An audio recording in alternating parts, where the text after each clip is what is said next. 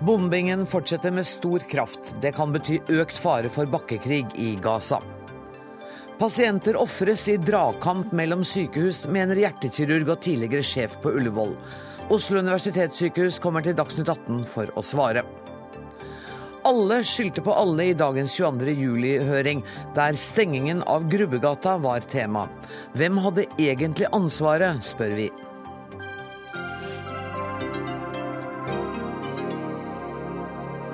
Er eh, fredagsutgaven av Dagsnytt 18, der vi også skal høre at den tyske kunstneren Kurt Schwitter har fått sin norske tegneseriebiografi. Men aller først. I dag skjøt Hamas igjen raketter mot Israels hovedstad Tel Aviv. For kort tid siden landet tre raketter utenfor Jerusalem, og flyalarmen ble satt i verk. Midtøsten-korrespondent Sigurd Falkenberg Mikkelsen, du er i Gaza. Hva er siste nytt nå? Her eh, merker man allerede konsekvensene av eh, dagens, eh, dagens trefninger.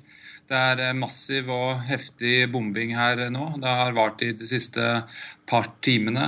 Kraftige eksplosjoner i og rundt Gaza by, også i nærheten av her jeg befinner meg. Og man kjenner da på kraften og trykket i, i disse bombeangrepene som, som nå rammer store deler av Gaza. Hvor stor er frykten for at det skal bryte ut full krig? For veldig mange så er jo dette allerede nesten å regne som full krig. Det er eh, mange som eh, knapt nok eh, har beveget seg utendørs de siste par dagene. Gatene her er tomme, butikkene er stengt. Det begynner å bli vanskeligere å få tak i bensin f.eks. Men frykten for en bakkeinvasjon er til å ta og føle på. Huske hvordan det var her sist gang. Mm. Sånn at Eh, folk eh, går første omgang en tøff natt i møte, men de er også veldig redde for hva de neste dagene vil bringe. Hvilken mulighet har folk nå for å komme seg ut av området? Ja, den er eh, så å si eh, ikke-eksisterende. Du kan i beste fall komme deg kanskje til et tryggere område og holde deg unna alt som har med regjeringskontor og Hamas-institusjoner, eh, som er åpenbare mål for israelerne. Men sivilbefolkningen er livredd for feilbombinger. Jeg har selv vært og truffet en mann som mistet en sønn, hans brors kone. og et helt eh, ødelagt og utbrent hus. Og Den frykten den sitter veldig dypt eh, hos mange i Gaza, som jo har vært gjennom mange slike runder de siste, siste ti årene. Og Vi husker også fra for fire år siden. Da, da, var det et stort behov for medisinsk personale. Er det behovet dekket, så vidt du ser nå? Eh, jeg har ikke vært på Skifa-sykehuset i dag. Eh, det jeg hører er at det begynner å fylles opp, at de begynner å merke presset eh, på utstyr og på medisiner, og ikke minst på sengeplasser. Men antallet sivile drepte har så langt vært lavere enn sist gang. Det er, det er drept noen, eh, og inkludert eh, fem eh, barn. og Det er også en del skadde. Men vi er ikke oppe i de dimensjonene som, som, som vi var i den forrige krigen, 2008-2009. Mm.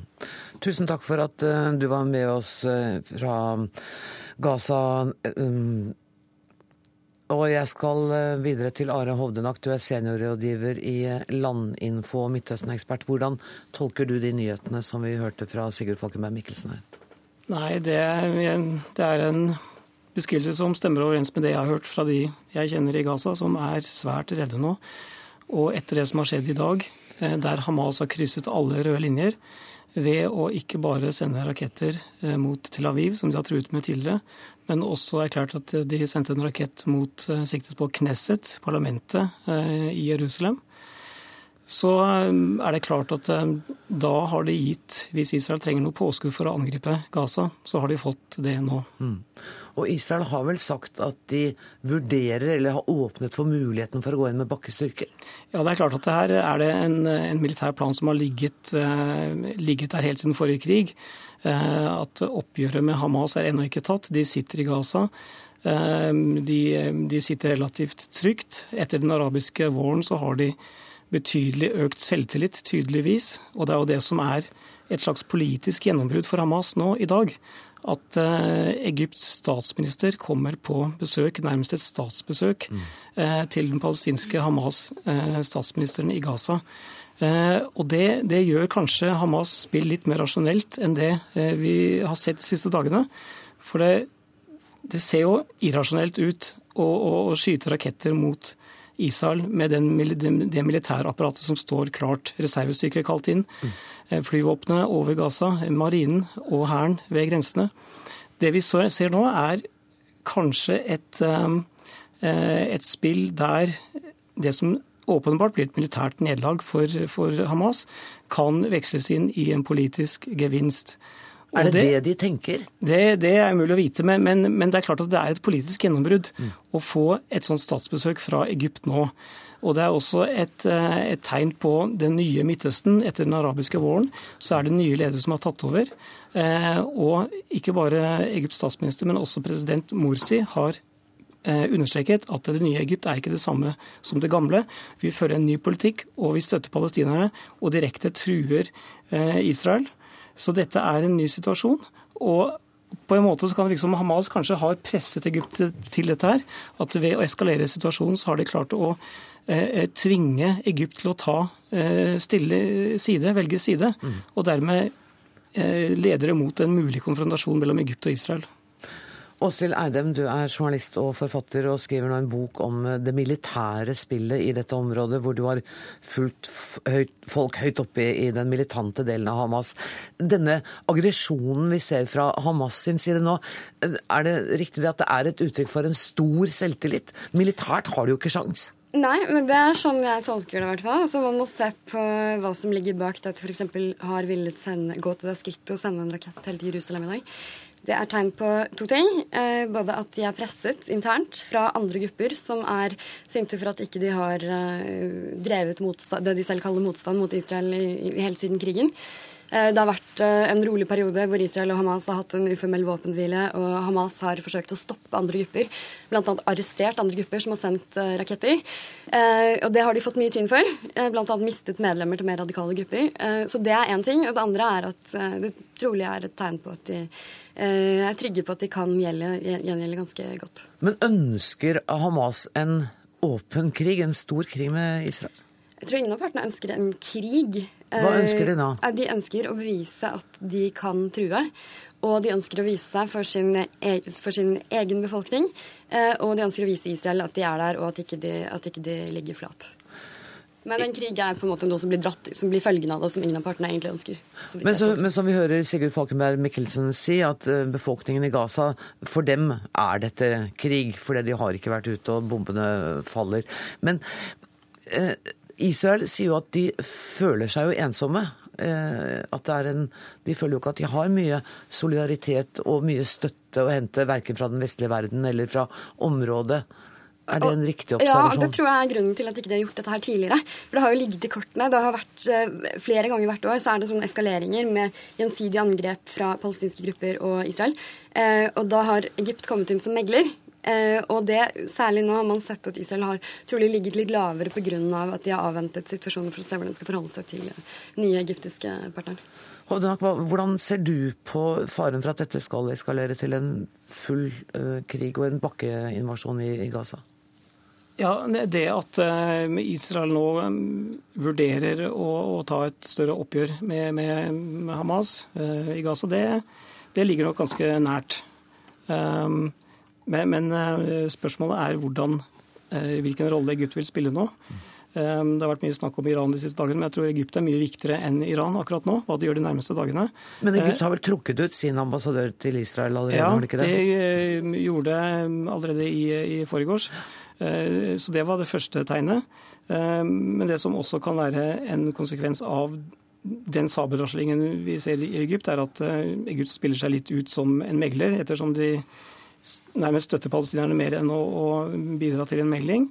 Men det kan også tolkes som et signal til, til Hamas som en anledning til å, å, komme seg ut ved å signalisere at vi, vi støtter dere. Mm. Og dermed så vil det være lettere for, Hamas, for Egypt å, å, å, presse Hamas til å, etter at de har hatt demonstrert sin vilje til å hevne dette drapet på den militære lederen, Ahmed Jabari, på onsdag, så, eh, så vil det være lettere å da argumentere for at det nå, nå er nok nok, og så roer vi ned situasjonen.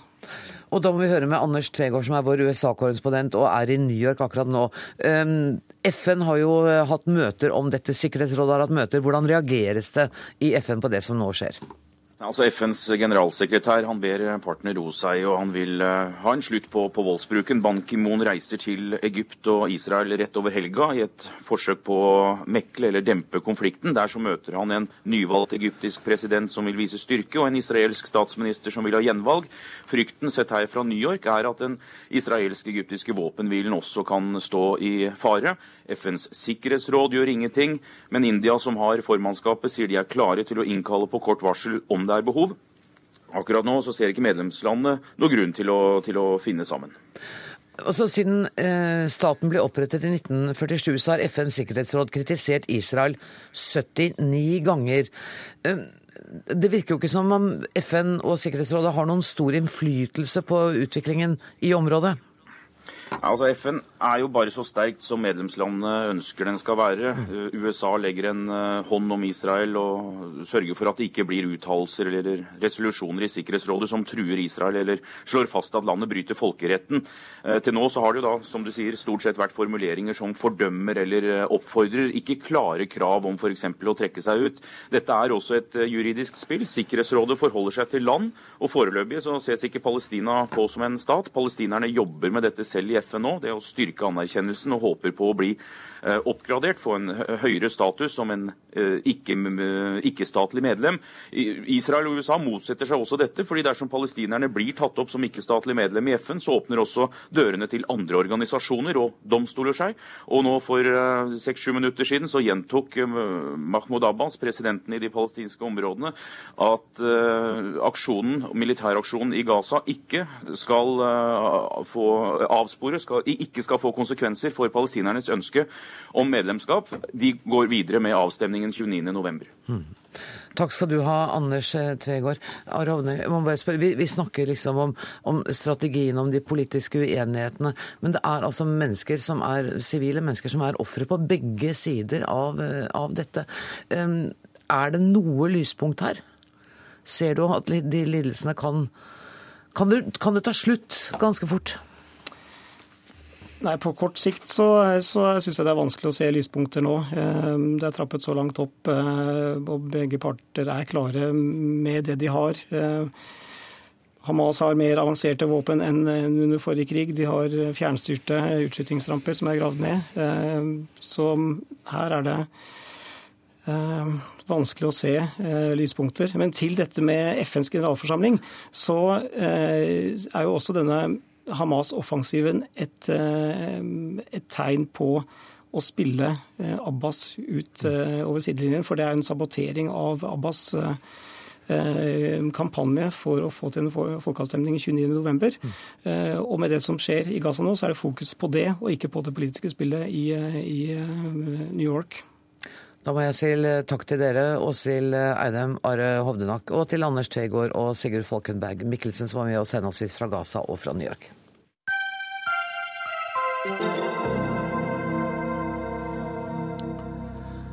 Hvor mange pasienter er det rimelig å ofre?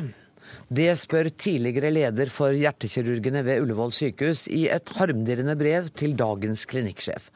Bakgrunnen er historien om en hjertepasient som ble vekket opp fra narkose på Ullevål sykehus, for så å bli overført til Rikshospitalet, hvor han måtte vente en uke på operasjon. Etter operasjonen døde han. Mons Lie, det er du som har skrevet dette åpne brevet. Du er tidligere direktør ved hjerte- og lungesenteret ved Ullevål sykehus og kjenner godt kirurgen som sto klar til å operere denne mandagen. Kan du eh, fortelle oss, hva var det som skjedde den dagen? Jeg fikk eh, denne historien fortalt av opprørte operasjonssykepleiere som hadde vært til stede da dette skjedde. Denne pasienten var to ganger tidligere operert av denne kirurgen begge gangene vellykket operasjon. Eh, han skulle nå ha en hjerteklaff implantert. Og det er klart at tredjegangsoperasjon er krevende. Denne kirurgen hadde forberedt seg meget nøye bl.a. diskutert indikasjon og operasjonsstrategi med avdelingsoverlegen. Eh, han legger frem operasjonen på morgenmøtet, der også avdelingsoverlegen er til stede. Dette var en mandag morgen. Da han hadde vasket seg til operasjon, spør hans assistent om han har sett den e-posten som ble sendt til ham og eh, noen andre kirurger klokken halv elleve kvelden i forveien. Søndag kveld. Det hadde han ikke.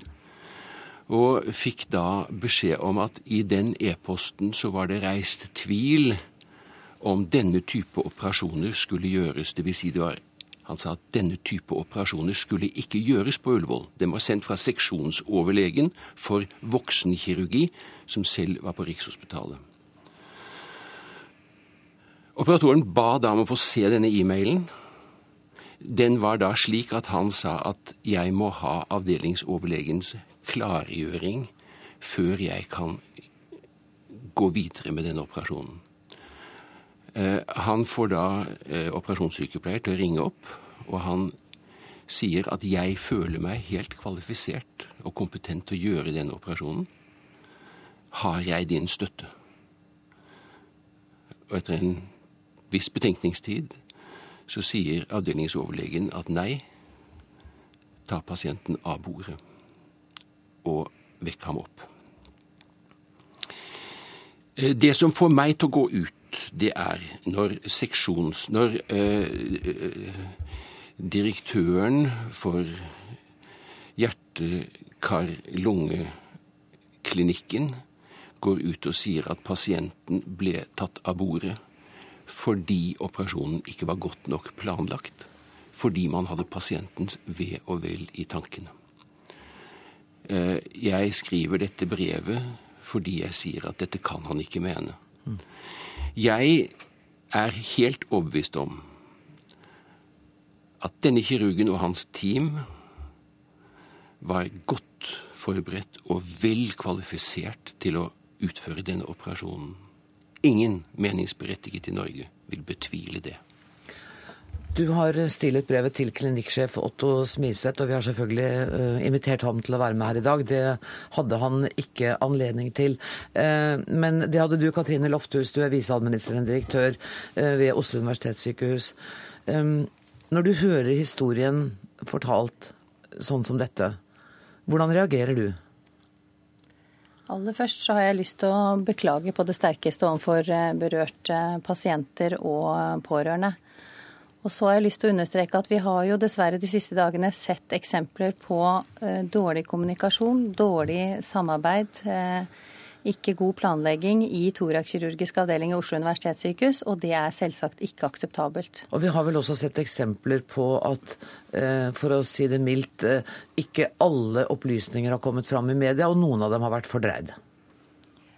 Ja, Det skal ikke jeg uttale meg om, men det jeg kan si er at jeg, jeg syns det er uheldig når pasienter blir usikre pga. vår handlemåte, og det er så klart meget alvorlig. Og så er det slik at dette er én avdeling nå ved Oslo universitetssykehus hvor jeg forventer at vi klarer å samarbeide og fungere som én avdeling til det beste for pasienten. Og dette handler om ledelse, og her må vi gå inn og ta ansvar og sørge for at de flinke fagfolkene våre samarbeider til det beste Men for pasienten. Men sier du at det er en kompetansestrid mellom flinke kirurger som har ført til dette? Så vi har eh, flinke fagfolk. Vi har gode, vi følger med på kvalitetsdata. Vi har gode resultater for alle disse pasientene. Men de krangler. Og så klarer vi altså ikke å samarbeide, og der må vi gå inn og være tydeligere som ledere og sørge for at vi klarer å få en god planlegging av driften innenfor denne avdelingen. Ok, Så det er manglende samarbeidsevne eh, mellom kirurgene og ledelsen av eh, de kirurgiske avdelingene som gjør det, eh, og dette eh, Og ikke noe annet. Det er ikke en annen grunn til det, det er bare en kommunikasjonssvikt. Altså her har vi sett eksempler på hvor, vi, hvor, det er helt klart dårlig kommunikasjon. Det er helt klart manglende, manglende samarbeid Men var om det pasienter. Sånn at... Det er jo slik at man har samarbeidet om pasienter i tidligere tider også. Og, og vi er jo der for pasientenes beste. Og må klare å, å, legge til rette for at vi fortsetter å gi den gode pasientbehandlingen vi hele tiden har gitt. Jeg tror jeg formulerte meg litt uklart, så la oss begynne i en annen ende. Ja. Er, er, det rimelig at en kirurg eh, skal ha forventet og lest en e-post som er kommet fra ledelsen 22.30 søndag kveld, når han mandag morgen står og skal operere og er vasket og klar til det, og pasienten ligger i narkose? Nei. Skulle han ha visst, Burde han ha visst at denne type operasjoner skal ikke gjøres ved Ullevål sykehus, de skal gjøres ved Rikshospitalet? Det er klart at Avdelingen er nå i ferd med å gjøre en planlegging, slik vi har gjort innenfor mange andre fagområder også, hvor vi fordeler pasienter slik at det er veldig tydelig hvor hvilke pasientgrupper skal eh, tas vare på i Oslo universitetssykehus. Og her har man ikke vært god nok i denne planleggingen, slik at det har eh, oppstått da usikkerhet rundt eh, håndteringen av pasientene. Og det er alvorlig, og det beklager vi på det sterkeste. Men burde han ha visst det? det? Hadde det kommet andre beskjeder til ham som han har oversett? Nei, Jeg kan ikke uttale meg om hvilke okay. beskjeder den enkelte legen her har fått. Det sitter jeg ikke på opplysninger om. Mons hva er ditt anliggende her? Er det at du rett og slett er kritisk til at det skal sentraliseres, at den mest avanserte kirurgien skal foregå på Rikshospitalet? Mitt anliggende er at Oslo universitetssykehus har to hjertekirurgiske avdelinger. De er slik at fordelt på de to vil man få to oppegående, fungerende hjertekirurgiske avdelinger. Det er allmenn enighet om i hjertekirurgisk miljø at det ideelle antall operasjoner under én leder er 800-1000 operasjoner. Hvis du har vesentlig mer enn det, så bør man dele dette opp. Eh, hvis man delte det nedslagsfeltet vi har, og særlig hvis man da tok de pasientene som var sendt til feiring, så vil man få to avdelinger med ca. 1000 operasjoner. Det er det én leder kan drive med. Du kan ikke ha en oppegående hjertekirurgisk avdeling som du begrenser for å operere ting som de beviselig, og som de kan vise ved sin statistikk, at de har gode resultater på men at de ikke får lov til å gjøre det. Du må ha en komplett avdeling hvis den skal kunne ta seg av øyeblikkelig hjelp og ta seg av utdanning og den komplette kirurgi. Ullevål sykehus, kirurgisk, torakskirurgisk avdeling, har dokumentert en forskningsaktivitet og en utdanning av hjertekirurger som ingen annen avdeling i Norge. Det å begrense dens aktivitet vil være å ødelegge den avdelingen. Hva tenker du, Katrine Lofthus?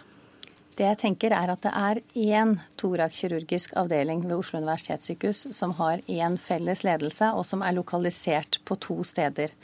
Og så er det slik at vi da har eh, mange flinke fagfolk.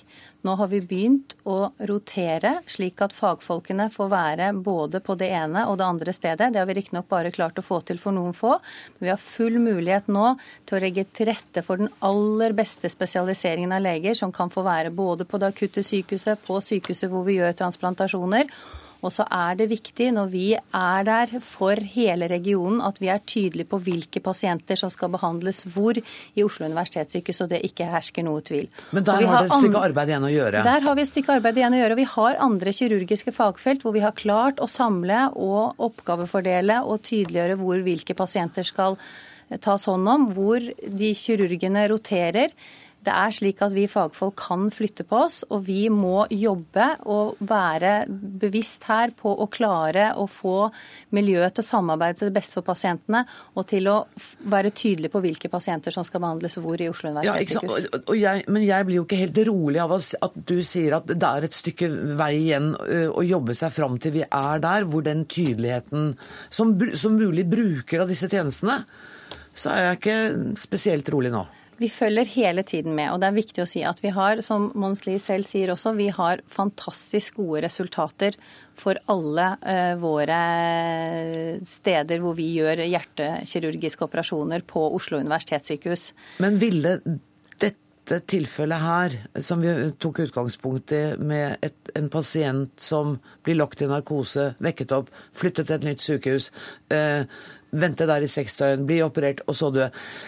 Dette ville jo ikke ha skjedd hvis ikke omorganiseringen hadde vært et faktum. Vet du at Det har vært slik i lang tid at eh, også før fusjonen så samarbeidet man om pasienter mellom eh, Ullevål og Rikshospitalet. Sånn at eh, men det er klart at denne episoden her, den er uheldig, og den beklager vi på det sterkeste, og slik skal det ikke være. Monsli, er du enig i at at kirurgene får en anledning til å rotere mellom de to sykehusene, så vil det faglig også være ivaretatt, og pasientenes beste? Det er ikke mulig å drive en klinisk avdeling, en hjertekirurgisk avdeling, uten stedlig ledelse hver dag. Og den stedlige ledelsen må være der hvor avdelingen er.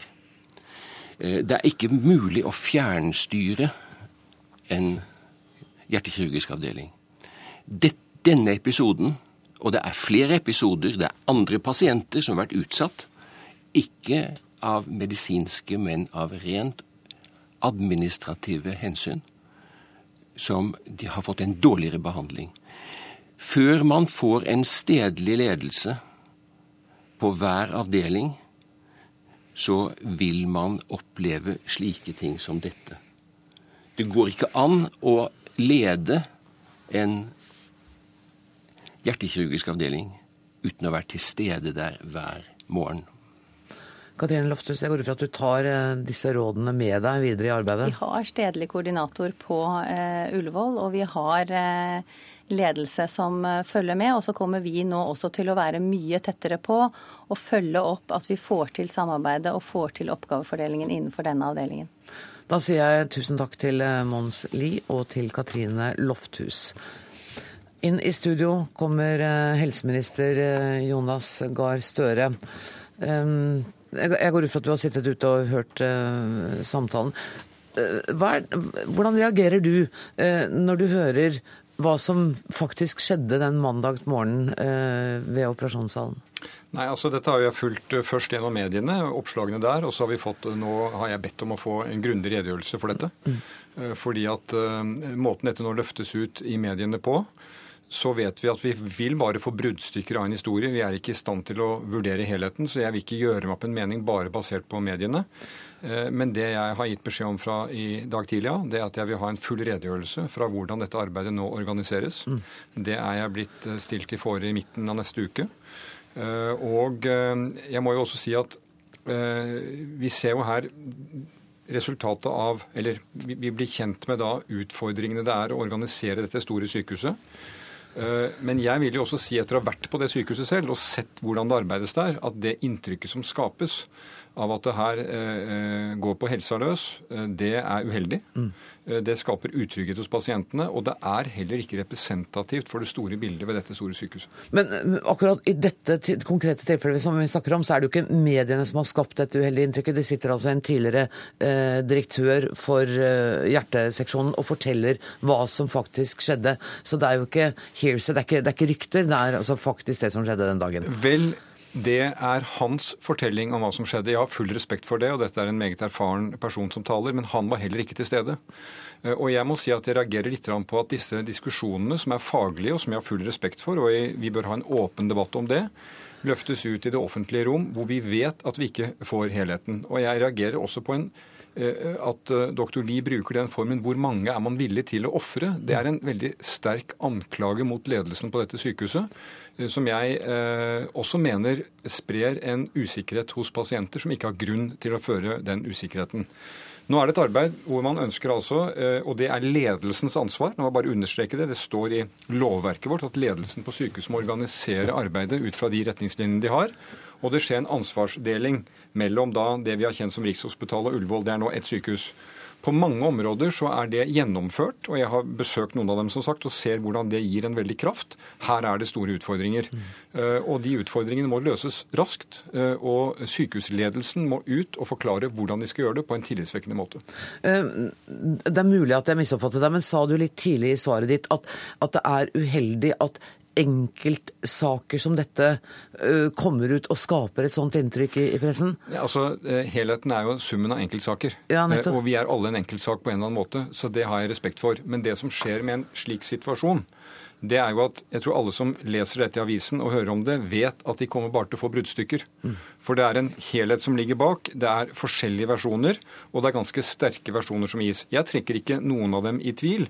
Jeg bare sier at eh, når vi skal gjøre en vurdering av hvordan dette store sykehuset organiseres Det utføres 1700 operasjoner ved denne avdel, disse stedene i løpet av et år. Mm. Eh, så kan vi altså ikke legge bruddstykker til del for å trekke en konklusjon. Og vi er faktisk blant de beste i verden på dette. Jeg, jeg vil bare litt tilbake, jeg vil bare presisere dette med, for, at, eh, for det er ikke slik at du mener at vi i mediene ikke skal omtale enkeltsaker, går jeg ut fra. Nei, altså Nei. hvis du følger mediene, så skjønner du at uh, sånn er det. Og, og, og, som sagt, jeg prøver å følge litt. Jo, men summen, altså helheten er summen av enkeltsaker. Jeg er helt enig i det. Men, men det, det, jeg tenker i forhold til da pasienter som venter på behandling, pårørende som har pasienter til behandling, så har vi her et av Europas beste sykehus. Mm. Vi har samlet miljøer som gjør at vi er ledende på mange områder. Eh, så er det selvfølgelig utfordringer. Og det at de kommer frem gjennom enkelteksempler, det mener jeg er greit. Men da vil jeg som helseminister si til de som har ansvaret, dere må ut og klargjøre dette. Vi kan ikke ha en strid mellom avdelinger som løftes fram som uløste saker i offentligheten og skaper utrygghet. Det er et ledelsesansvar å rydde opp i, og det har jeg fått forsikringer om at vil bli gjort. Eh, så vidt jeg husker, så har du også uh, tidligere innrømmer feil, men du har medgitt at kanskje har noe av denne omorganiseringen gått litt fort? Det, ja, har jeg ikke rett i at du jo, sa det? Jo, men jeg skal si hva jeg har sagt. Jeg har sagt at uh, det har vært åpenbare mangler med planleggingen og gjennomføringen av denne store prosessen i Oslo-regionen. Uh, uh, det er en beskrivelse av hva vi har sett til nå. Jeg har gått grundig inn i dette. Det er fortsatt utfordringer igjen, men jeg mener at dette nå er på et, et spor som jeg har tillit til. Eh, men det krever mye av ledelse og ansatte, og det krever at ledelse og ansatte tar ansvar sammen. Eh, og da skal man ikke feie vanskeligheter under teppet, men måten man håndterer vanskeligheter på, det følger det ansvar med. Og Det er da jeg reagerer på at man går ut og nærmest anklager mennesker for å ville ofre noen mm. i en slik faglig strid. Vi ser en del av det i sykehusmiljøene, den type påstander. Jeg respekterer at det kan gå en kule varmt når man diskuterer mellom kolleger, men man har et ganske stort ansvar når man løfter det fram i det offentlige rom, eh, for der er det mange av oss som leser det, og mange som kan føle utrygghet. Um, du satt i dette studioet, vi snakket om veldig lignende problemstillinger. Eh, eh, og du sa at det er ingen pasienter som har dødd som resultat av omorganisering. Er det ikke det vi akkurat har sett i dette tilfellet vi snakket Nei, om i dag? Nei, det mener vi ikke har grunnlag eh, for å si. Og dette er nettopp en grunn for hvorfor jeg mener vi skal være veldig varsomme med å trekke slutninger av bruddstykker. Nå er det sånn at et dødsfall som dette blir anmeldt til politiet. Helsetilsynet blir varslet. Og det må jo komme en grundig redegjørelse for dette. Så vidt jeg forstår, etter hva jeg har lest, så handlet dette om en, en, en meget syk person, en alvorlig tilstand. Jeg kan ikke konkludere den ene eller andre veien. Men som jeg også sa i det studioet hos deg sist, er jo det at folk som kommer inn med veldig alvorlige tilstander til operasjon, eh, det er en risiko eh, i seg selv. Men eh, eh, som også sykehusdirektøren her sa, så har det jo vært slik utveksling av pasienter mellom deler av sykehusene i hovedstadsregionen tidligere også, så det kan vi ikke henge direkte på, på selve omstillingen. Tusen takk for at du kom, statsråd Jonas Gahr Støre. Vi kommer sikkert til å komme, snakke mer om denne saken.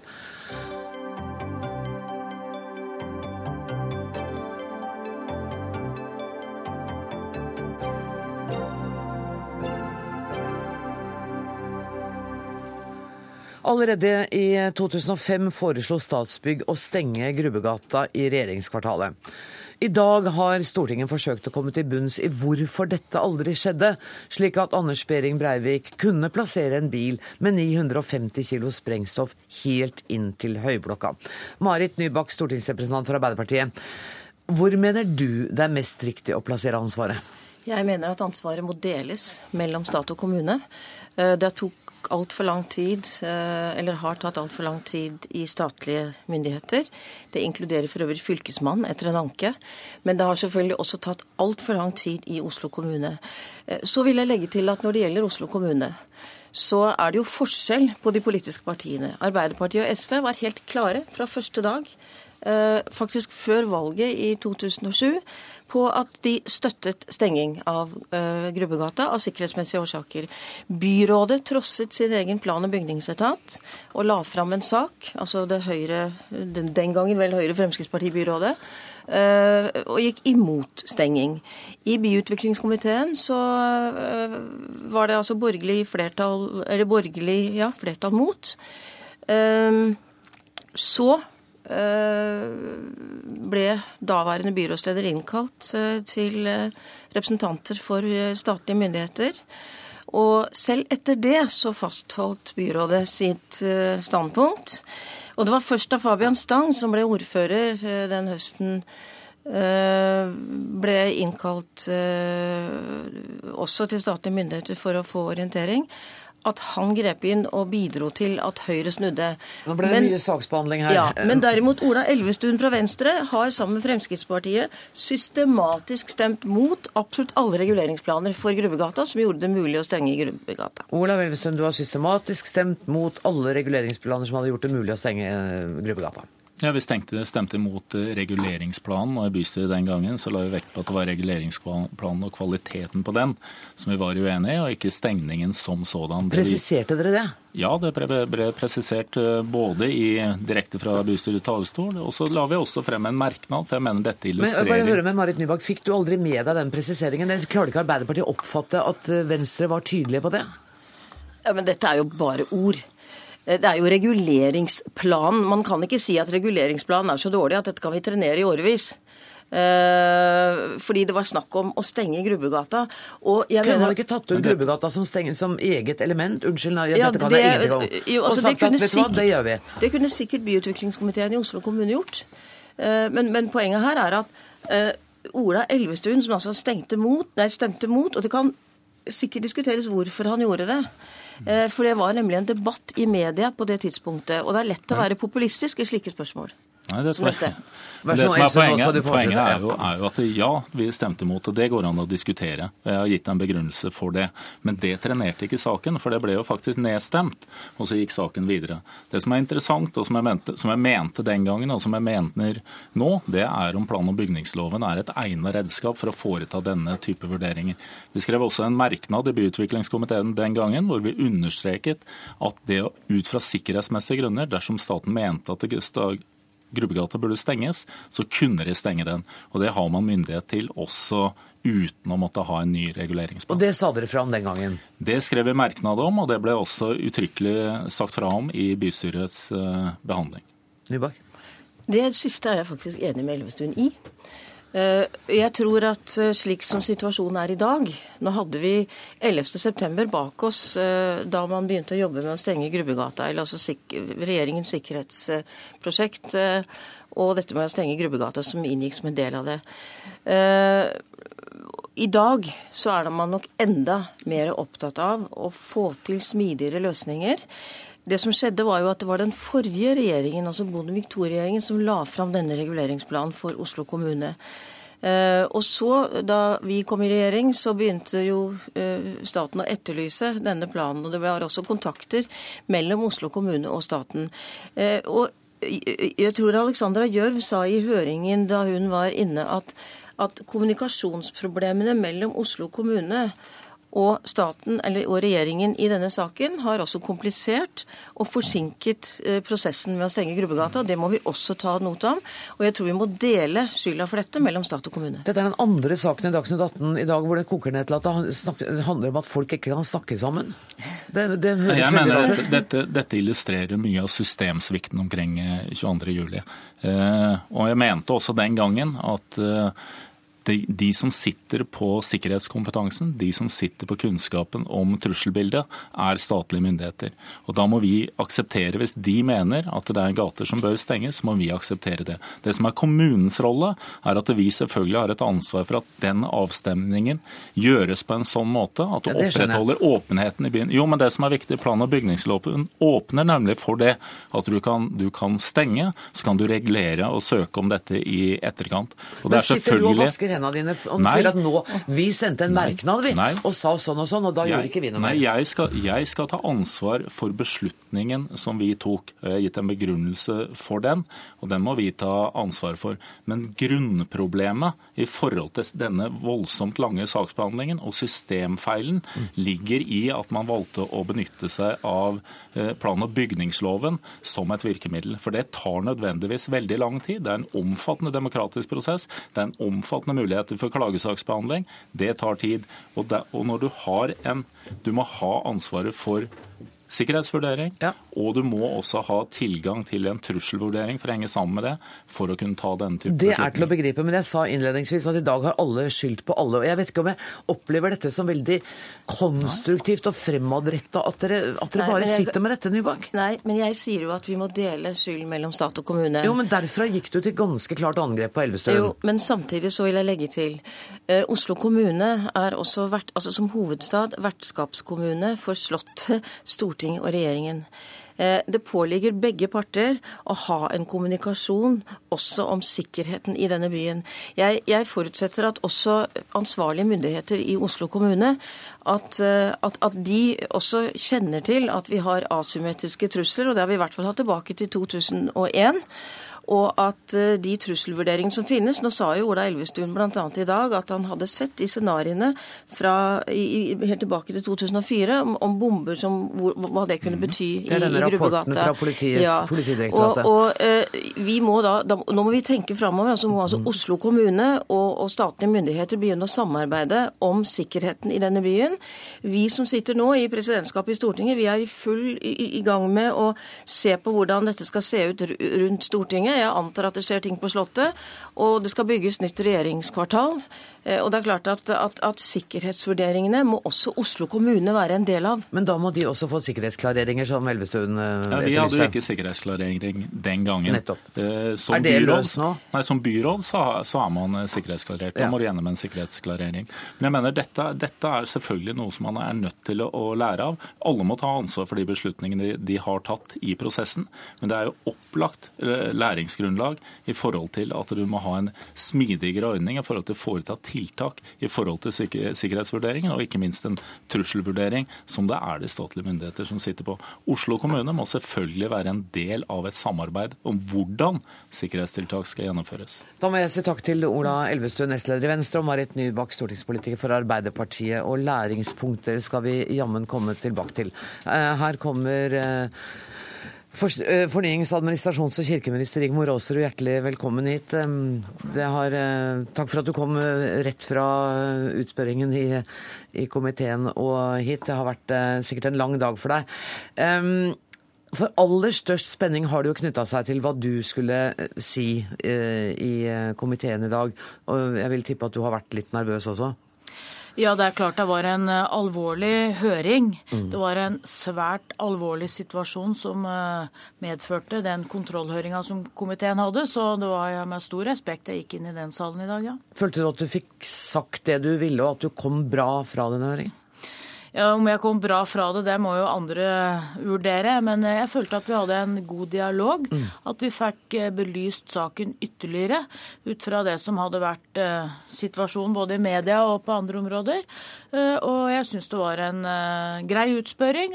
Det ble stilt relevante spørsmål, og jeg syns vi hadde en god kommunikasjon i komiteen. Elvestuen og Nybakk jeg for seg nevnte jo her denne rapporten fra Politidirektoratet som kom i august 2004, tror jeg det var var, som, som begge de eh, kjente til. Men som du i dag i komiteen sa at det hadde vært en stor fordel for deg om du hadde kjent til den. Hva var grunnen, tror du, til at du ikke fikk vite om den?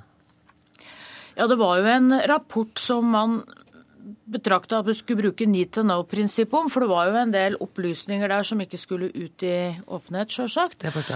Og det var gjort vedtak eh, i regjeringa hvordan man skulle følge opp. Man hadde gjort de aller fleste tiltakene. Og jeg har forståelse for at departementsledelsen på det tidspunktet jeg kom inn, ikke mente det var nødvendig å, å sette meg inn i den saken. Men jeg liker jo å ha opplysninger om det jeg jobber med, og i ettertid så ser jeg at det hadde vært fornuftig å ha hatt kunnskap om den rapporten. Og for å si det sånn, Du var vel en av dem som needed to know, altså som trengte å vite?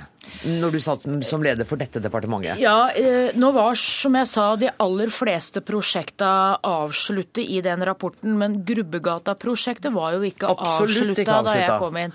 Nei, det var jo fortsatt igjen eh, Vi trengte fortsatt politiske vedtak i eh, planprosessen da jeg kom inn i, i 2009, oktober 2009. Og vi skulle jo gjennomføre tiltaka.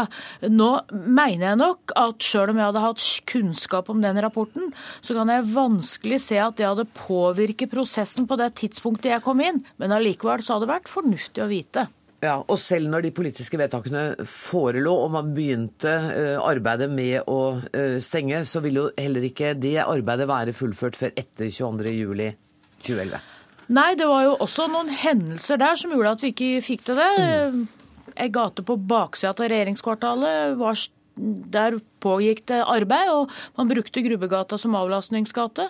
Og så, når man begynte å skulle gjøre gravearbeid i Grubbegata, så fant man noen ledninger som ikke var på kartet, og det måtte prosjekteres på nytt igjen før vi fikk gjort ferdig hele prosjektet. Og Det forundrer meg, for at, at, det skjer noe uforutsett når man begynner med store byggearbeider, det syns jeg er rart at dere blir overraska over, gitt. Ja, det hadde vært kabel, eh, hadde vært eh, jobba med kabling og sånn på forhånd, men det var først når man fysisk var i gata og begynte å, å skulle grave, at man fant de kabla. Og da satte man seg jo ikke ned og ikke gjorde noen ting. Da begynte man i andre deler av prosjektet. Det ene stoppunktet, eller stengepunktet i Grubbegata var jo ferdig, ja. og det var påbegynt det andre da bomba gikk av 22. Regjeringsråd Nina Frisak sa i dag at det, at det var mulig at det hadde vært um, en for passiv departementsrådsholdning i flere av departementene. Opplevde når, i ettertid, i etterpåklokskapen lys, eh, tenker du at det også gjaldt ditt departement?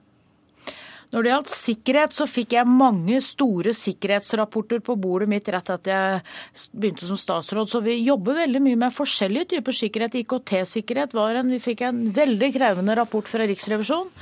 Direktoratet for samfunnssikkerhet og beredskap kom med en rapport om det interne beredskapsarbeidet i mitt departement, som vi jobber mye med. Og da oppfattet jeg at vi hadde veldig mye fokus på, på sikkerhet. I dag, eh, når jeg har fulgt eh, høringen så godt jeg har kunnet eh, på fjernsynet, så, opplever jeg at det er ingen som sier at ja, vet du hva, dette kunne vært gjort annerledes. Eller ja, her skulle jeg ha gjort Men ingen av dere. Er, er det liksom helt utenkelig, eller er det fordi dere mener at dere har gjort alt riktig? Jeg tror det er et uttrykk for at det er en komplisert sak med veldig mange elementer. Det har vært mange forskjellige eh, behandlinger av saken i de forskjellige organene. Jeg har ansvar for det som skjedde i den saken etter at jeg ble statsråd. Men har du gjort noe feil? Ja, jeg syns det er vanskelig å si ja på det nå, men jeg ser at det hadde sikkert gått an å vært mer aktiv, purra mer, gjort uh, mer også fra min side. Men ut fra den kunnskapen jeg fikk i månedsskiftet april-mai om Grubbegata, og fram til stengningsvedtaket ble gjort 3.6, så syns jeg det var kort tid, og det ikke var noen grunn til at jeg sjøl i ettertid ser at jeg skulle gripe inn da. Tusen takk for at du kom, statsråd Rigmor Aasrud. Hjertelig velkommen, eh, Magnus Takvam. Du har eh, fulgt høringen i dag. Jeg spurte Rigmor Aasrud hvordan hun syntes hun klarte seg. Hun sa det fikk andre bedømme. Du, f.eks.? Jeg syns ut fra den eh, krevende situasjonen som tross alt er rundt dette, så klarte hun seg rimelig bra. Og det er klart at Rigmor Aasrud kom relativt seint inn som statsråd også, eh, slik at eh, da hadde det jo allerede gått veldig mange år uten at eh, stengningen var skjedd. Så dermed å ta henne eh, for, for, hennes periode er kanskje ikke så, så, enkelt. Selv om det er ting der også som helt sikkert kunne, kunne vært gjort mye bedre. Mm. Ja, Det var bl.a. noe med at uh, Statsbygg ikke hadde purret på Det gikk lang tid fra de fikk det politiske vedtaket til stats, Statsbygg fikk det. Men la nå det ligge. Hva, etter din vurdering, hva var det viktigste som kom fram under høringen i dag? Nei, altså Jeg tror de prøvde på uh, punkt én å rydde opp litt i det eh, ganske kaotiske ansvarsbildet som har vært tegnet på forhånd internt i eh, regjeringsapparatet mellom eh, FAD, altså Fornyingsdepartementet til Rigmor Aasrud, og Statsministerens kontor, f.eks. Eh, der følte jeg at det i hvert fall ble presisert at uh, det ikke var noen som helst tvil om at det nettopp er hennes departement da, som, som hadde ansvaret for dette sikringsprosjektet vi snakker om, mens da statsministerens kontor hadde mer et helhetlig ansvar. Justisdepartementet hadde sitt ansvar, og da hadde det gått ut brev fra eh, departementsråden til alle berørte departementer om definerte ansvarsoppgaver. Så det var ett punkt. Og så er det selvfølgelig vurderingen av det at det tok så altfor lang tid, om det er rimelig å kritisere noen av de politisk ansvarlige for nettopp det. Og her er selvfølgelig opposisjon og posisjon på hver sin side. Ja, og, når man hører opposisjonen spørre, eh, så virker det som om man visste at det var en deadline 22.07. Altså, og det det var det jo ikke mulig for noen å vite, heller ikke opposisjonen. Nei, Nei så derfor så Det er jo eh, krevende å diskutere i ettertid med den kunnskapen man har om eh, tragedien 22.07, selvfølgelig. Og vi hørte jo flere, f.eks. Eh, Karen Moe Røiseland, som jo en, har vært eh, utsatt for en relativt sterk kritikk i, eh, i 22.07-kommisjonen fra aktører. Hun sa, innrømmet på en måte at det var andre deler av sikkerhetsproblematikken som var mer framme i bevisstheten hos dem. Det var datasikkerhet som de hadde fått kritikk for fra Riksrevisjonen osv. Derfor f.eks. valgte hun da ikke å, å, gå i detalj på informasjonen til Rigmor Aasrud om dette spesielle tiltaket. Så det er klart at det var nok ikke fullt trøkk og fokus på nettopp Grubbegata f.eks. på det tidspunktet vi snakker om her. Nei, og, og, på en, altså, Nå kan vi si at ingen visste hva som skulle skje, heller ikke mm. opposisjonen. Men, men allerede i 2004 så uh, ble stemning, stengingen av Grubbegata lista som et måtte gjennomføres, altså det som mm. vil kalles rød kategori. Ja, ja. Så det, det har jo vært sendrektighet her, da? Ja, og, Eller betyr ikke rød kategori noe? Jo, selvfølgelig. Og da, da ble, dette ble jo da også et tema i høringen i dag. Og Rigmor Aasrud front, eller, eh, parerte på en måte kritikken mot seg selv eh, med å vise til nettopp det du er inne på. Eh, at altså, denne rapporten lå på bordet allerede ved, ved Bondevik-regjeringens beslutning om å gjennomføre dette sikringstiltaket. Man, skulle man hatt, ifølge Aasrud, da midlertidige stengninger og liksom overkjørt det byråkratiske prosessen, så burde, kunne man ha gjort det på det tidspunktet allerede da. Men det er klart at da hadde man ikke forestilt seg at det skulle ta så lang tid. Så det er veldig vanskelig i ettertid å peke på ett eh, bestemt punkt, bortsett fra det at man valgte da plan- og bygningsloven som, eh, som framgangsmåte. Det gjorde det veldig byråkratisk. Den neste høringen i eh, komiteen er på mandag. Eh, vet du nå hva, hvem som skal dit, og hva som kommer til å skje da? Ja, der, der er det et fullt program, og etter hvert så kommer Storberget og Stoltenberg også. Jeg tror nok fokus i høringene til slutt vil dreier seg om Justisdepartementets ansvarsområde. At det er nok der trøkket blir satt inn, og det øverste ansvaret selvfølgelig hos Stoltenberg. Jeg tror, ut fra det som skjedde i dag, at liksom Åserud har greid å parere liksom det verste trykket mot, mot eh, det hun har, har hatt ansvaret for. Da ses vi kanskje igjen på mandag. Tusen takk skal du ha, Magnus Takvam, politisk kommentator her i NRK. Hør Dagsnytt 18 når du vil, på nettradio eller som podkast nrk.no dagsnytt 18.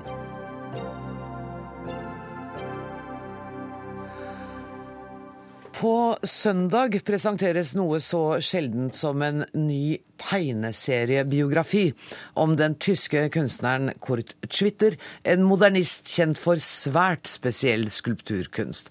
Og denne boka er det du som står bak, tegneserieskaper Lars Fiske. Aller først, hva er dette prosjektet egentlig? ja, nei, Det er et prosjekt som jeg begynte på i 2005 ca. og da gjorde jeg og en kollega, Steffen Kvernland, eh, vi begynte med en, eh, en, serie som vi kalte for Kanon, hvor vi skulle lage tegneserier om eh, kunstnere. Og da valgte jeg denne kunstneren Kurt Schwitters som mitt objekt. Ja, Og hvorfor det? Det er noe veldig fascinerende med Kurt Schwitters. Han er jo en veldig allsidig kunstner, for det første. Han er jo da innom absolutt alle kunstformer og sjangre som eh, man kan tenke seg. Eh, og så hadde han en annen veldig morsom idé. Han følte liksom at han ikke passet inn i noen eh, kunstretninger som fantes da, på 1920-tallet. Så da kom han på at han skulle starte sin egen kunstretning. Og En dag han var ute og gikk i Hanover, der han bodde, Så han var veldig glad i å, plukke med seg søppel og ting, for det mente han var liksom hovedbestanddelen i den kunsten han skulle lage. Okay. For dette var fragmenter som han mente var veldig interessante.